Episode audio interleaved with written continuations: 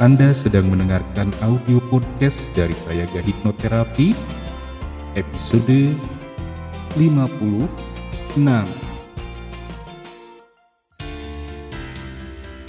Selamat datang di serial audio podcast bersama Sayaga Hipnoterapi. Institusi penyedia layanan hipnoterapi dan konseling profesional di Kota Bandung yang membantu penanganan berbagai masalah kesehatan, emosi, dan perilaku yang mengganggu kualitas hidup.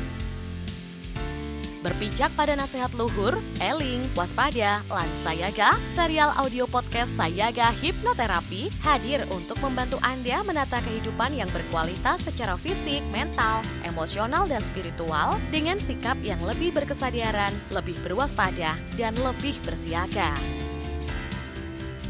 Serial audio podcast Sayaga Hipnoterapi menghadirkan inspirasi kehidupan yang diintisarikan dari berbagai keilmuan psikologi dan pengembangan diri yang juga diadaptasi dari kisah nyata para individu yang menjalani program terapi dan konseling bersama tim profesional dari Sayaga Hipnoterapi. Halo kawargian Sayaga, berjumpa kembali bersama saya Iman Mulia Santosa di audio podcast Sayaga Hipnoterapi.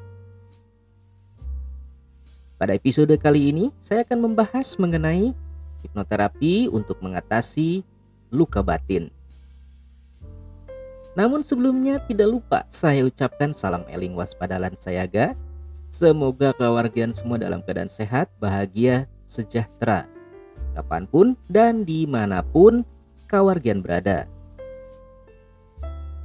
Kawargian, Luka akibat tertusuk pecahan kaca mungkin saja sembuh dalam waktu yang singkat. Tetapi jika itu luka batin, mungkin kita akan menghayati dengan begitu banyak perasaan negatif seperti takut, bingung, kesepian, kesedihan, marah, dan menyesali diri, merasa bodoh, tak berdaya, mungkin juga akan sangat marah dan benci kepada orang tua atau orang-orang di sekeliling kita yang telah berlaku tidak adil. Kita juga akan merasa sangat malu karena orang tua atau orang-orang di sekeliling kita melakukan hal yang begitu buruk, dan karena kita diperlakukan demikian buruk. Luka batin akibat perlakuan orang terdekat sering kali lebih menghancurkan, apalagi bila itu terjadi secara berulang. Psikoanalisis mampu menjelaskan rinci betapa perlakuan buruk orang terdekat sejak masa awal kehidupan dapat menghantui hingga ke masa dewasa. Luka batin yang tak terobati mungkin menghancurkan kepercayaan kita kepada orang lain. Juga luka batin ini sering menghancurkan kepercayaan kita kepada diri sendiri hingga munculnya banyak pertanyaan di dalam diri apakah aku cukup baik untuk dicintai? Adakah yang sungguh-sungguh peduli kepadaku? Luka batin mencabut jangkar psikologis atau akar terdalam dari rasa aman manusia. Lalu bagaimana orang merespon luka batinnya untuk menjawabnya, itu tergantung karakteristik kepribadian, sosialisasi yang diterima, dan keseluruhan konteks hidupnya. Rasa marah mungkin terbawa hingga dewasa. Sikap menghukum dari orang tua diadopsi dalam bentuk mudahnya seorang individu marah dan menghukum pasangan hidupnya atau anaknya. Atau adanya rasa tidak aman yang kuat menyebabkan kita membentengi diri akibat takut dilukai.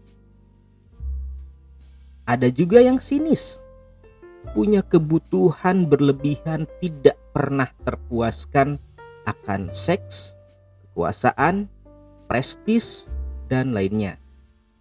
Intinya, hal-hal itu menjadi kompensasi ketidakyakinan kita bahwa diri kita sungguh-sungguh pribadi berharga dan patut dicintai. Luka batin yang terjadi di masa kecil inilah yang menyebabkan munculnya inner child. Secara psikologi, inner child merupakan bagian dari diri manusia yang tidak ikut tumbuh dewasa. dan tetap menjadi sisi anak-anak, berapapun usianya. Bagian ini akan selalu ada di dalam diri manusia dan menetap di dalam jiwa. Jika ada pemicunya, inner child kembali hadir dan menyebabkan suatu gejala. Inner child menjadi bagian erat dalam diri, baik itu ingatan maupun emosi yang pernah kita alami di saat kita masih kecil. Ada tiga tanda umum saat trauma masa kecil hadir kembali di kehidupan kita.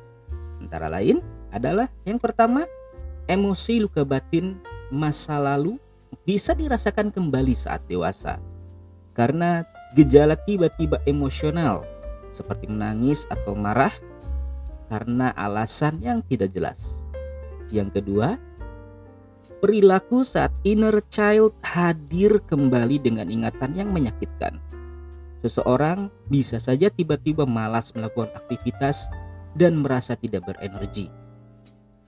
Yang ketiga adalah kognitif atau pola pikir.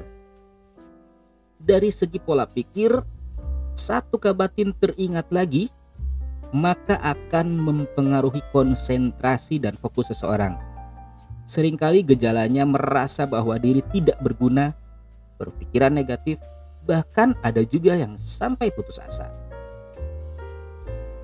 Ada setidaknya lima luka batin di masa kecil yang dibawa sebagian orang seumur hidupnya.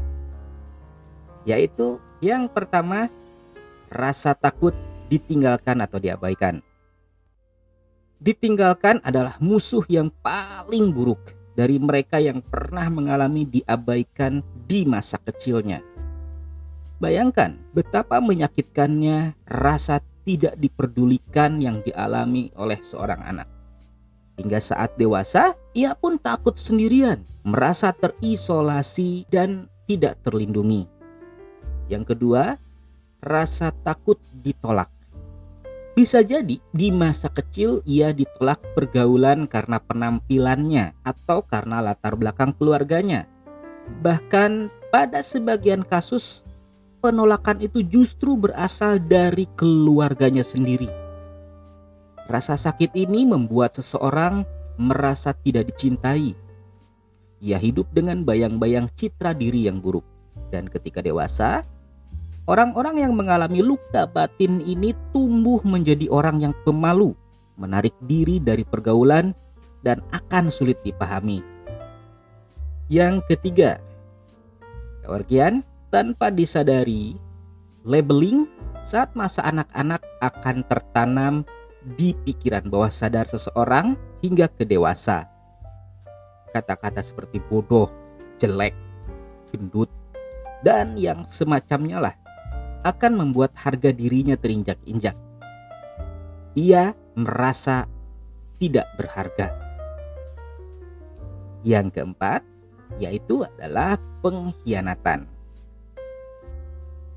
Luka ini biasanya timbul karena pengalaman buruk seorang anak yang janjinya dilanggar orang lain. Ia akan merasa dihianati. Sebagai konsekuensinya, saat ia dewasa, orang-orang yang mengalami pengkhianatan di masa kecil akan punya pemikiran negatif, mudah curiga, takut mempercayai orang lain, bahkan juga iri. Ya, iri. Iri akan apa yang dimiliki orang lain yang tidak ia dapatkan dari janji yang sudah diucapkan oleh orang terdekatnya dulu. Dan yang kelima yang terakhir adalah ketidakadilan. Kewargian saya gah, perasaan tidak adil yang dialami di lingkungan di mana pengasuh utama bersikap dingin dan otoriter. Ketidakadilan ini menimbulkan perasaan tidak berdaya dan disia-siakan. Misalnya sebagai contoh, saat ketidakmampuan anak dalam mata pelajaran matematika dianggap orang tua sebagai kesalahan dan kemampuannya dalam bidang musik tidak dihargai. Ia merasa hidup ini sangatlah tidak adil. Akibat dari perlakuan ini, seseorang akan tumbuh menjadi pribadi yang kaku. Mereka hanya melihat hidup sebagai salah dan benar, hitam dan putih. Nah, kita sekarang beralih pada proses hipnoterapi untuk mengatasi luka batin. Bagaimana proses hipnoterapi dilakukan dan apa saja tahapannya? Seperti yang sudah saya jelaskan sebelumnya, luka batin yang dialami di masa kecil akan melahirkan inner child, di mana ada seorang anak yang terluka yang tertinggal di masa lalu namun menjadi gangguan hingga dewasa. Inner child yang terluka ini berada atau bersemayam di dalam pikiran bawah sadar seseorang. Karena itulah, penggunaan hipnoterapi akan sangat membantu dalam menangani luka batin si inner child ini. Pertama adalah menentukan formulasi masalah. Yang pertama adalah menentukan formulasi masalah. Di tempat saya berpraktik yaitu saya ke hipnoterapi, selalu menggunakan formula X, Y, Z untuk menentukan formulasi masalah. Di mana X adalah respon emosi yang dirasakan, sedangkan Y adalah situasi yang membuat munculnya inner child yang terluka. Atau klien merasa X ketika Y. Lalu bagaimana dengan Z? Z adalah respon ideal yang diharapkan atau klien merasa Z ketika Y Nah, jadi yang berubah adalah X-nya menjadi Z. Sedangkan Y tetap sama. Untuk lebih jelasnya, saya akan berikan contoh sebagai berikut. Klien A merasa takut ketika mengingat masalah pernikahan atau rumah tangga. Di sini X-nya adalah merasa takut. Sedangkan Y-nya adalah mengingat masalah pernikahan atau rumah tangga. Sedangkan harapannya adalah Klien A merasa tenang dan biasa saja ketika mengingat masalah pernikahan atau rumah tangga. Di sini X sudah berubah menjadi Z, yaitu merasa tenang dan biasa saja. Sedangkan Y masih tetap sama, yaitu mengingat masalah pernikahan atau rumah tangga. Tahapan yang kedua adalah menemukan akar masalah. Setelah mendapatkan formulasi masalah, barulah kita mencari akar masalah dari klien A. Apakah sebenarnya penyebab rasa takut itu? Adakah peristiwa masa lalu yang menyebabkan munculnya rasa takut dengan ikatan pernikahan atau kehidupan berumah tangga? Ataukah ada sebab lainnya? Bisa saja ada sebuah perilaku seperti KDRT dari orang tua dalam hal ini sang ayah yang membuat klien A menyisakan perasaan takut memiliki suami yang mungkin saja sifatnya sama dengan sang ayah. Atau bisa saja ada peristiwa di masa lalu klien A yang membuat sebuah pola kegagalan dalam kehidupan percintaannya sehingga selalu kandas ketika hendak maju ke jenjang pernikahan. Di sinilah pentingnya menemukan akar masalah agar penanganan yang dilakukan akan efektif, efisien, dan tepat sasaran, serta menutup kemungkinan munculnya permasalahan yang sama di kemudian hari. Tahapan yang ketiga adalah menyelesaikan akar masalah. Nah, setelah jelas apa akar masalah yang terakumulasi menjadi penyebab rasa takut, langkah selanjutnya adalah menyelesaikan atau membereskan akar masalah. Nah, tahapan yang keempat adalah forgiveness work. Proses ini ditujukan untuk memaafkan segala yang terjadi pada klien A yang disebabkan oleh perilaku orang lain. Dan bukan hanya memaafkan orang lain, diri sendiri pun perlu dimaafkan karena telah begitu lamanya klien A membiarkan inner child yang terlanjur terluka yang tertinggal di peristiwa masa lalu. Yang kelima adalah future pacing. Future pacing ini digunakan untuk menguji seberapa besar perubahan yang terjadi pada klien. Kita bisa meminta klien untuk membayangkan bagaimana itu kehidupan pernikahan atau kehidupan berumah tangga yang tergambarkan dengan sangat jelas baik bentuk, warna maupun suaranya. Kemudian kita amati ekspresi dari klien. Apakah reaksi atau respon masih sama seperti sebelumnya yaitu takut atau sudah berkurang atau bahkan responnya terlihat biasa saja. Nah, itulah tahapan bagaimana hipnoterapi bisa membantu menangani luka batin.